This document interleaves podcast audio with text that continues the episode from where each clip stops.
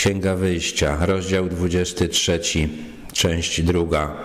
Trzy razy w roku będziesz świętował na moją cześć. Obrzędy ku czci Boga nie zajmowały Izraelitom zbyt wiele czasu. Bóg wymagał obchodzenia w ciągu roku tylko trzech świąt. Będziesz przestrzegał święta prześników. Siedem dni jeść będziesz prześniki, jak ci rozkazałem, w wyznaczonym czasie miesiąca Abib, bo podczas niego wyszedłeś z Egiptu.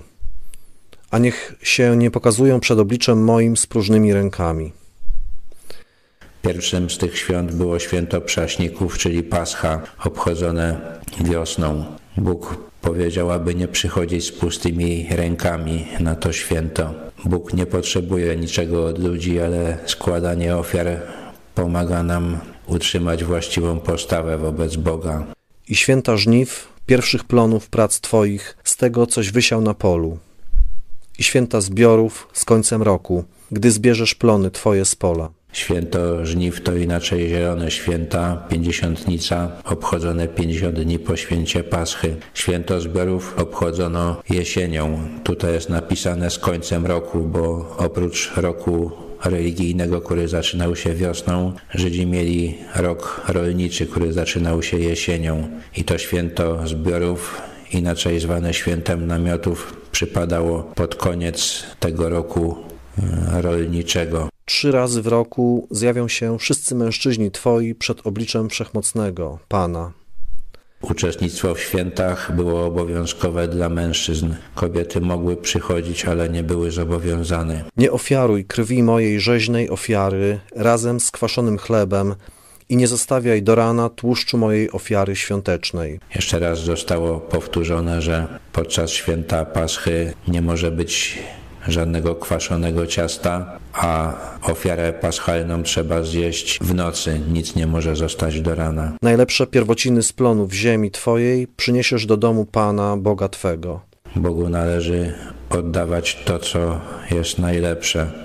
To gotowanie koźlęcia w mleku matki to mm, kolejne obrzydliwe zachowanie, którego Bóg zakazał, a które pewnie było praktykowane w pogańskich narodach w tym czasie.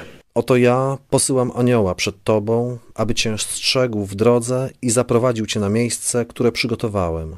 Miej się przed Nim na baczności, słuchaj głosu Jego i nie przeciwstawiaj Mu się, bo nie przebaczy występków Waszych, gdyż imię moje jest w Nim. Jezus pisze tutaj o aniele, w którym jest imię Boga. Imię u Żydów to był synonim natury. Ten anioł jest y, jakby postawiony na równi z Bogiem. Paweł w liście do Koryntian pisał, że Żydom podczas drogi przez pustynię towarzyszyła duchowa skała, którą był Chrystus, czyli to Syn Boży był tym aniołem. A jeżeli będziesz pilnie słuchał Jego głosu i wykonasz wszystko, co powiem, wtedy będę nieprzyjacielem nieprzyjaciół Twoich i przeciwnikiem przeciwników Twoich albowiem anioł mój pójdzie przed tobą i zaprowadzi cię do Amorejczyków i Hetejczyków, i Peryzyjczyków i Kananejczyków, i Chiwijczyków i Jebuzejczyków i wytępię ich. Posłuszeństwo temu aniołowi miało być nagrodzone powodzeniem na wojnie. Izrael miał zająć miejsce tych narodów, które nie chciały uznać prawdziwego Boga. Nie kłaniaj się ich bogom, ani im nie służ nie czyń tak jak oni, ale doszczętnie zbóż i potłucz ich pomniki. Po przejęciu ziemi tych narodów Izrael miał zniszczyć wszystkie ślady kultów, które były w tych narodach praktykowane. Służcie Panu, Bogu waszemu, a On pobłogosławi chleb Twój i wodę Twoją. Oddalę też choroby spośród Ciebie. Nie będzie roniącej ani niepłodnej w Twoim kraju. Liczbę dni Twoich uczynię pełną.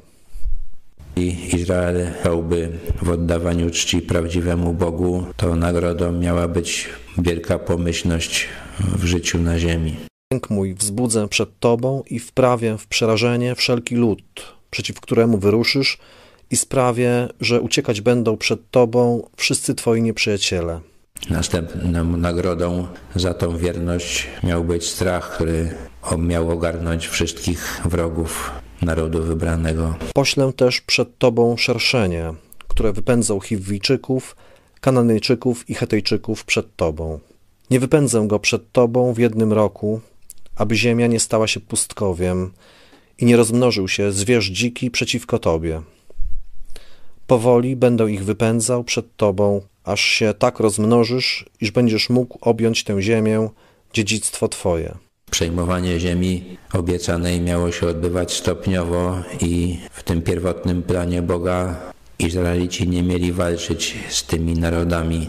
Bóg miał wszystko załatwić sam, miał wypędzać te narody stopniowo, a Izraelici stopniowo mieli przejmować ziemię, którą tamci pozostawili. Dopiero kiedy naród okazał niewiarę i nie zgodził się wejść do ziemi obiecanej, Bóg zmienił ten plan Wtedy Żydzi mieli przez 40 lat błąkać się po pustyni i dopiero następne pokolenie miało wejść do tej ziemi i musiało już o nią walczyć. Gdyby wtedy Izraelici okazali wiarę, to nie musieliby w ogóle prowadzić wojen. Ustanowię też granicę Twoją od Morza Czerwonego do Morza Filistyńczyków i od pustyni aż do rzeki, bo oddam w ręce Wasze mieszkańców tej ziemi i wypędzisz ich sprzed oblicza swego. Takie granice, jakich Bóg obiecał i Izraelitom wtedy, nigdy do tej pory państwo żydowskie nie osiągnęło. Nie zawieraj przymierza ani z nimi, ani z ich bogami. Nie będą mieszkać w Twojej ziemi, aby Cię nie zwiedli do grzechu przeciwko mnie. Bo jeśli będziesz służył bogom ich, będzie to dla Ciebie sidłem. Koniec rozdziału 23. Żadnych układów z wyznawcami innych kultów Żydzi nie mieli prowadzić. Bóg ostrzegał, że takie układy będą dla nich sidłem. Sidło krępuje ruchy zwierzęcia i nie może się z nich, z niego wyzwolić. Tak, tak samo właśnie będą na Izrael oddziaływać te różne religie, którym mm, będą się w przyszłości oddawać.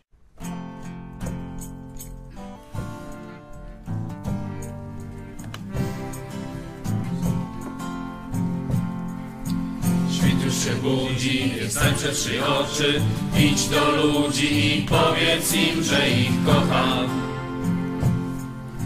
Słońce już wstało, ciepło wokoło, ludzie wokoło, więc powiedz im, że ich kocham. Posyłam was na każdy dzień, bo ludzie wciąż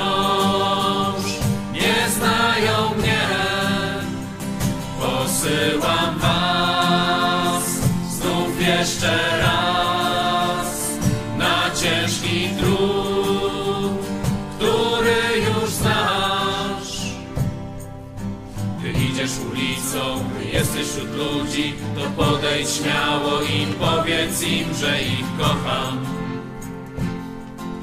Przypomnij im o mnie, o mojej miłości, bo już zapomnieli i powiedz im, że ich kocham. Posyłam was